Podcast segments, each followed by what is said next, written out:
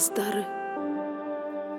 Шорулдап ыйлаган энелердин жашын сиңирип кара жер күтүп жатты аларды. Бири отуз. Бул он жети добуш инсталляциясынан чыккан үндөр. Анын автору жанар туратова. Үн инсталляциясы эки миң он алтынчы жылы москвада иштеп жүрүп өрттө каза тапкан кыргыз кыз келиндердин элесине арналган ал былтыр бишкекте өткөрүлгөн феминале аттуу көргөзмөдө коюлган эле. Аталган көргөзмөнүн башкы темасы да ошол өрттө каза тапкан мигрант кыз келиндер болгон. Көргөзмөгө жыйырмадан ашуун өлкөдөн элүүдөй эмгек коюлган болчу.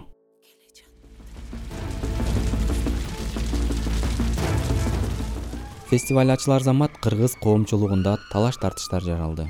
Айрым көргөзмөлөр каада салттарга каршы келет деп фестивалдан четтетилген ал эми музейдин директору кызматтан алынып уюштуруучулар коркутуп үркүтүүлөргө кабылган. Мени аябай капаландырган нерсе бул жанагынтип мени өрттөп кетебиз. Анан эмне андан деле коркпойм капа деле болбой калдым ага. Бул негизи ошо өлкөдөгү абалды көрсөттү да. Бул эпизод феминалинин арт куратору алтын капалова туурасында болот. Ал буга чейин көптөгөн жергиликтүү жана эл аралык көргөзмөлөрдү уюштуруп келген. Андан тышкары балдар үчүн жомокторду да жазган. Кыргыз коомундагы феминизм боюнча ой толгоосун алдыда биз менен бөлүшмөкчү.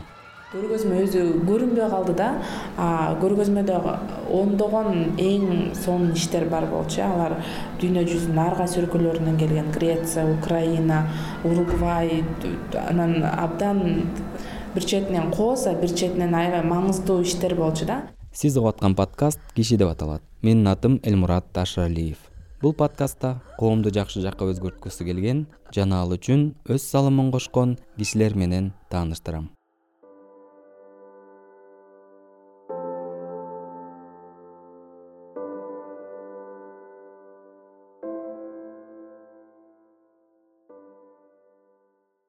Биринчи бөлүм. Алтын капалова менен бишкектеги ололо аттуу борбордо сүйлөшүп отурдук мен беш жыл ошо искусство таануучу деп окугам. Архитектура университетинде кгуста деп аталат го бизде. Аябай мыкты мугалимдер болчу да. Анан аябай бери эле окудум эле баш көтөрбөй андан кийин президенттин алдындагы мамлекеттик башкаруу академиясында магистрдик билимин алган. Бул даражаны алуу үчүн ал коммерциялык эмес уюмдарды башкаруу багытында изилдөө ишин жазган экен.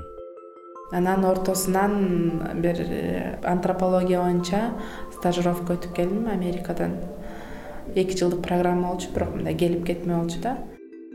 Көздөрүнөн чарчагандай түйүлдү бирок сүйлөшө келгенде күчтүү демдүү эле. Атүгүл өзүнүн башынан өткөргөн окуяларга курч көз менен карай алганы көңүлүмдү урду жашыраак кезимде. Аябай билимге умтулат элем да анан кай жерде гранттар болсо же бекер окуу болсо ошол жака документтеримди тапшыра берет элем. Анан кыска мөөнөттүү окутууларды көп өттүм да музей боюнча анан антропология боюнча ошо көрүнгөн жерге эле документимди бере берип жолум төлөп бергилечи. Жатаканамды төлөп бергилечи деп бар ар кандай гранттар ошентип атып анан ошо кыска мөөнөттүү окутуулар э, аябай билим алууда мага чоң чоң жардам берди да. Ошентип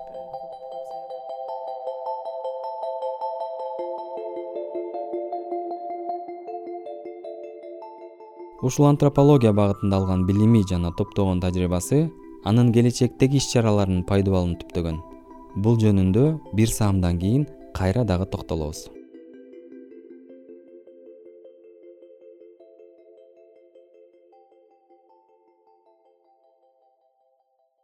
феминале алтын эже өткөргөн алгачкы саамалык эмес. Буга чейин ал жер жерлерде ар кандай форматтагы иш чараларды уюштуруп келген. Искусство тармагында иштейм да ал жөн эле мынтип четтен келип эле мен көргөзмө кылайынчы деген эмес. Мен билбейм ондогондо эмес жүздөгөн көргөзмөлөрдү өткөздүм. Алардын арасында эл аралыктагы болгон кичинекей айылдарда да өткөрдүм мектептерде да өткөрдүм. Мисалы эки жыл мурун а төрт аттуу көргөзмө өткөргөн а төрт бул аял айыл арт активизм дегенди билдирет. Анда кыргызстанды кыдырып аймактарда жашаган кыз келиндерге заманбап искусство жөнүндө айтып берген. Ал үчүн керектүү болгон шаймандар видео фото сүрөт инсталляция сыяктуу түрлөрү боюнча түшүндүргөн. Алтын эже жумгал жергесинде өткөрүлгөн арт интервенцияны эскерди.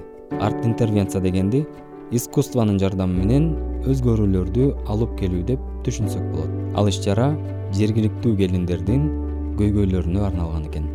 Мисалы үчүн жанагы жумгалда бизге бараарга жерибиз жок дейт. Жана кечкисин келиндер айтып атат да биз кайнэнелерибиз менен жашайт эч жака чыга албайбыз үйгө чакырсак дагы курбуларыбызды жаман көрөт деп ушинтип айтып атпайбы анан бир э, нан жапкан кичинекей пекарня бар экен. Ошонун бир комнатасына анан сыртын бир күндө чогулуп бүт активисттер менен анан сырта оңдоп анан аябай мындай заманбап дизайн кылып койдук да. Анан сыртында ак анан кызылга боеп койдук да. Мындай көрүнүктүү болсун депчи. Анда деле элдер ары бери өтүп ай болбой калыптыр бул кызылыңар жаңы бир нерсе алып келсең коомго эч качан жакпайсың да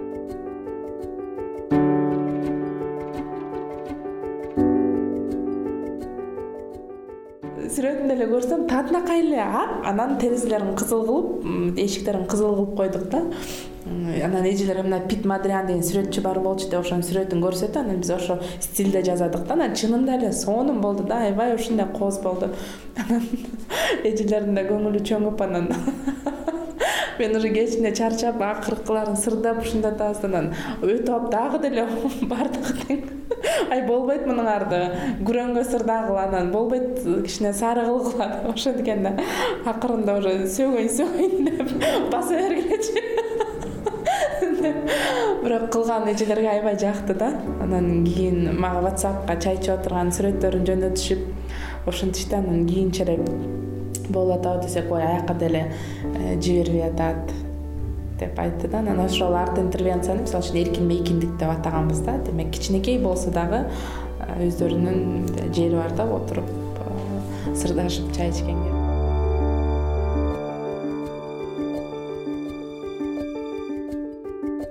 Антропология тармагына өтүп кеткени башында өкүнүп жүргөн. Себеби искусство багытында алган билиминин баары текке кеткендей туюлуптур бирок жаңы багыттагы билими жана топтогон тажрыйбасы анын болочоктогу иш аракеттеринин пайдубалын түптөөдө зор мааниге ээ болгон. Бул антропологияга келгенде социалдык маселелерди изилдеп калдым да мисалы үчүн суу көйгөйү мектепте тамактануу бешикке чейинки балдардын тамактануусу деп ушундай ар кандай темаларды изилдеп калдым да. Жалаң эле гендер боюнча эмес түрлүү түрлүү аялдардын агро саясатта катышуусу деп аябай түрлүү изилдөөлөрдү кылдым да. Анан ошол мисалы үчүн мага аябай жардам берди да. Жашоону түшүнүп анан ошону мен мурда он жыл мурун кылган көргөзмөлөрүм такыр башкача эле азыр болсо ошо кандайдыр бир социалдык көйгөйлөрдү чечүүгө алып келе турган көргөзмөлөрдү кылып калдым да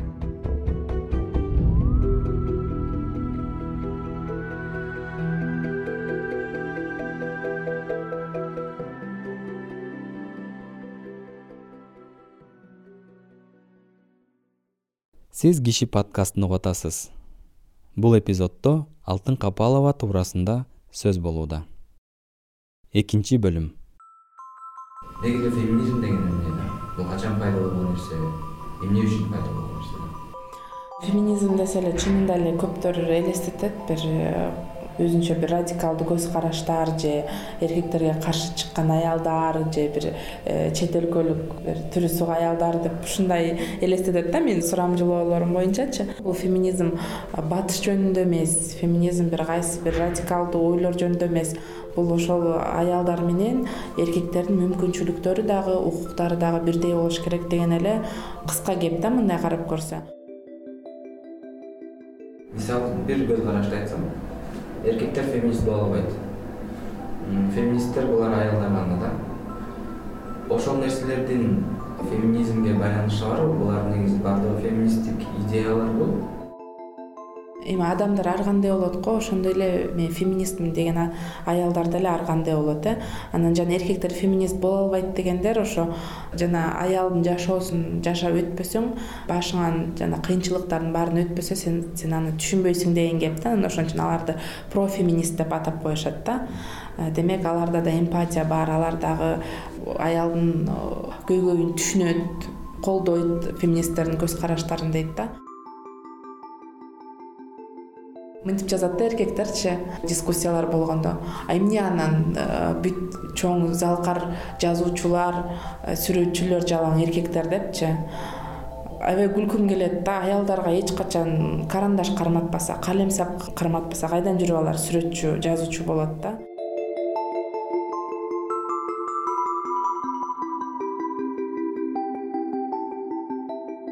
феминизм туурасында коомдогу стереотиптерге байланыштуу суроомду андан ары уланттым. Феминизмге келиш үчүн сөзсүз кыйынчылыктарды э, кечип өтүш керек деген дагы туура эмес. Мен жөнүндө да бирөө жазып койгон экен мен мурун интервьюларымда айттым эле да ушинтип үй бүлөлүк зордук зомбулукту башыман өткөргөм депчи анан ошо феминалия болуп аткандан кийин бирөө жазып койгон экен. Ой ал деген күйөөсүнөн токмок жеп ошон үчүн феминист болуп калган депчи андай эмес феминисттер ар кандай болот. Кыргызстанда дагы эми атын атагым келбейт. Мен билген иштешкен феминисттер эч кандай зордук зомбулук көргөн эмес. Бул абдан жакшы албетте. Күйөөгө тийгендери бар тийбегендери бар. Анан кээ бирлер ойлойт феминисттер күйөөгө тийбеш керек. Бир кыз ошентип айтып атпайбы мен мурда феминист болчумун эже анан мен күйөөгө тийип кеттим деп сүрөт кызчы мен айттым ал сиз күйөөгө тие деле феминист боло берсеңиз болот. Бул жана эркектерди жек көрөт деп адамдар чын эле ошого ишенет окшойт да кеп анда эмес он бала төрө алып деле феминист боло берсең болот. Мына менин үч балам бар э. Феминисттер да ар кандай болот анткени ар адамдын өзүнүн жеке жашоосу бар жеке тажрыйбасы бар. Алтын эже кыз келиндердин укук жана мүмкүнчүлүктөрү эркектердики менен бирдей болсун деп активисттик кылып келатканына төрт беш жылдай болгон. Жомоктор ага чейин деле келчү оюмачы бирок ошону отуруп жазганга эч мүмкүнчүлүгүм жок болчу да. Анткени балдар майда алар менен алек болосуң анан акча табыш керек анан шаарда эптеп жашаш керек анан ошентип мынтип э, жүйдөп аябай жүдөп эле жүрөт элем анан кичине кичине тыңып балдар чоңоюп калды да бага мектепке барган мектепке барып бакчага барып калганда кичине колум бошоп дегендей анан ошо коомдук ишке көп көңүл буруп калдым да. Бир аял зордук зомбулукка кабылыптыр деп укканда менде дароо эле бир эркек киши аялды уруп сабап же болбосо кордоп кемсинтип атканын элестете берет. Менин оюмча башкаларда деле ушундай ой жаралышуу мүмкүн. Бирок биз аялдарга карата аялдардын өздөрү тарабынан жасалган зордук зомбулук жөнүндө да айта жүрүшүбүз керек деп ойлойм. Мен изилдөө кылып жүргөндө дагы саясатчы эжелер айтып берет эле эптеп ошо үй менен казан аяктан башым чыгып чоң аракет кылып анан кандидатурамды койсом мисалы үчүн жергиликтүү кеңештин депутаты болуу үчүн биринчи үйүңдө эле отура бербейсиңби дегендер аялдар болот деп өздөрү айтып берген да аялдар колдобой коет анан колдоо аз болуп эч ким шайлабай коюп анан ошо саясаттан чыгып калгам деп көп айтып берет да аялдар. Биз саясат десе эле элестетебиз ак үй менен эле э, билбейм парламентте жогорку кеңеште. Жергиликтүү да саясат бар да деңгээлдери бар саясаттын ар кандай. Ошондуктан ошо аялдардын катышуусу абдан маанилүү деп эсептейм. Өзү башында бул темага кайрылып атканымда оюмда ушул нерсе кылт эткен болчу. Феминизм темасын эркектер сүйлөп эле койсун деген ой пикирлерди угуп да көрүп да жүрөм. Эми алтын эже менен маектешүүм кандай өтөт экен деп чынында кичине кыжаалат болуп аткам бирок кызыгып суроо бергендер болсо аларга түйүндөрдү чечмелеп жакшылап түшүндүрүп берүүгө даяр экенине көзүм жетти. Негизи эле кыргызстандагы феминизм аялдардын тилектештиги бул дүйнөлүк ири чек ара тааныбаган кубулуштун бир бөлүгү экенин да түшүнүп жеттим окшойт. Аялдар деле жазат эркектер деле биздин саясатта болгон аялдар сүрөттөрүн чыгарса биздин ак үйдүн шуурулары же силер биздин тиги билбейм жогорку кеңештин гүлдөп турган гүлдөрү деп аябай жиним келет да мен. Алар ал жерде силер бир нерсени кооздогонго келген жок. Алар силерден жакшы иш алып барып атат. Мындай карап көрсөчү мен мага көбүнчө бизде саясатта болгон аялдар аябай жагат да. Баардыгы эмес бирок көбүнчөсү кылган иштери көп деп эсептейм да чоң чоң иштерди кылат деп ушул эки маселе го дейм. Анан үй бүлөлүк зордук зомбулук саясатта катышуу. Мен үчүн ушулар абдан көйгөйлүү да. Бул чечилбесе эч качан мындай билбейм таза коом өнүкпөйт деп эсептейм да мен. Маселени ар бирибиз эле көрүп турсак керек. Ошол көйгөйдү чечүүнүн жолу барбы? Кантип чечебиз?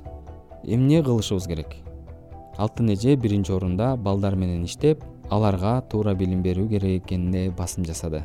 Мен да ошо аябай көп ойлоном да анан азыркы учурда ошо бир чечимге келдим. Биз балдар менен иштешибиз керек да.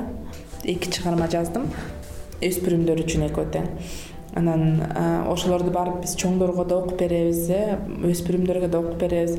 Анан биз ошентип атсак ар жакта кичинекей балдар чоңоюп келатат да кичинекей балдар чоңоюп келатат аларды ошол эле эже агайлар окутуп атат да сен идиш жууйсуң сен ала качып кетсе эчтеке болбойт бул салт биз элдин баары эле ошентип жашайт бул деген жакшы салт анан жакшы жашап кетесиң деп бир жагынан экинчи жагынан биздин коомдук канал бүт аймактарда тартат э. Алар ошо зордук зомбулукту романизациялаган сериалдарды чыгарып жарнамаларды чыгарып ар кандай передачаларды чыгарып атат да ошондуктан биз кылган иш аракеттер бир кээде эле тамчы болуп калып атат да чоң океандачы.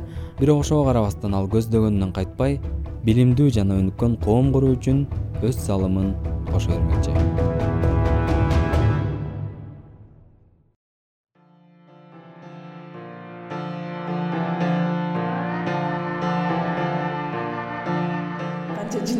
сайын ошончо күч токтойт экенсиң да чынын айтсамчы анан азыр ошо э, феминисттик музей түптөгөнү калдым окшойт. Анткени жана феминаледе алып келинген иштер абдан баалуу. Анан мисалы үчүн экөө болочок музейге белек кылышты да эки ишинчи алар абдан кымбат. Алардын акчалай баасы бар да. Анан бирөөсүн сатып алдык. Анан башкалар менен азыр сүйлөшүп атабыз. Анан мен да инвесторлорду издеп атам. Э, экинчи феминалени кылам. Жыйырма биринчи жылы болот. Эми азыр даярдык көрүп башташ керек.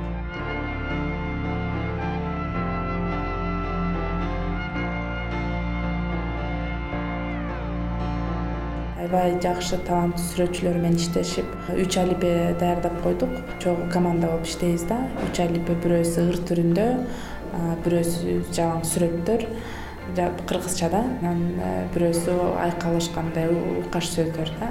Анан ошо негизи ушу жомокторду чыгаргым келет аябай.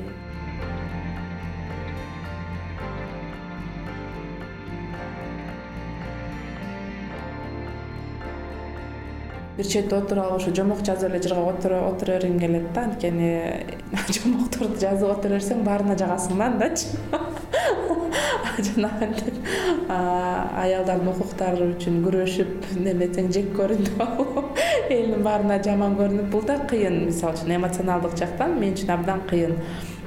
Анткени канча адам өлтүрөм деп жүрөт. Чынында эле эми күлүп мындай күлүп айтып бергени менен мен үчүн абдан кыйын да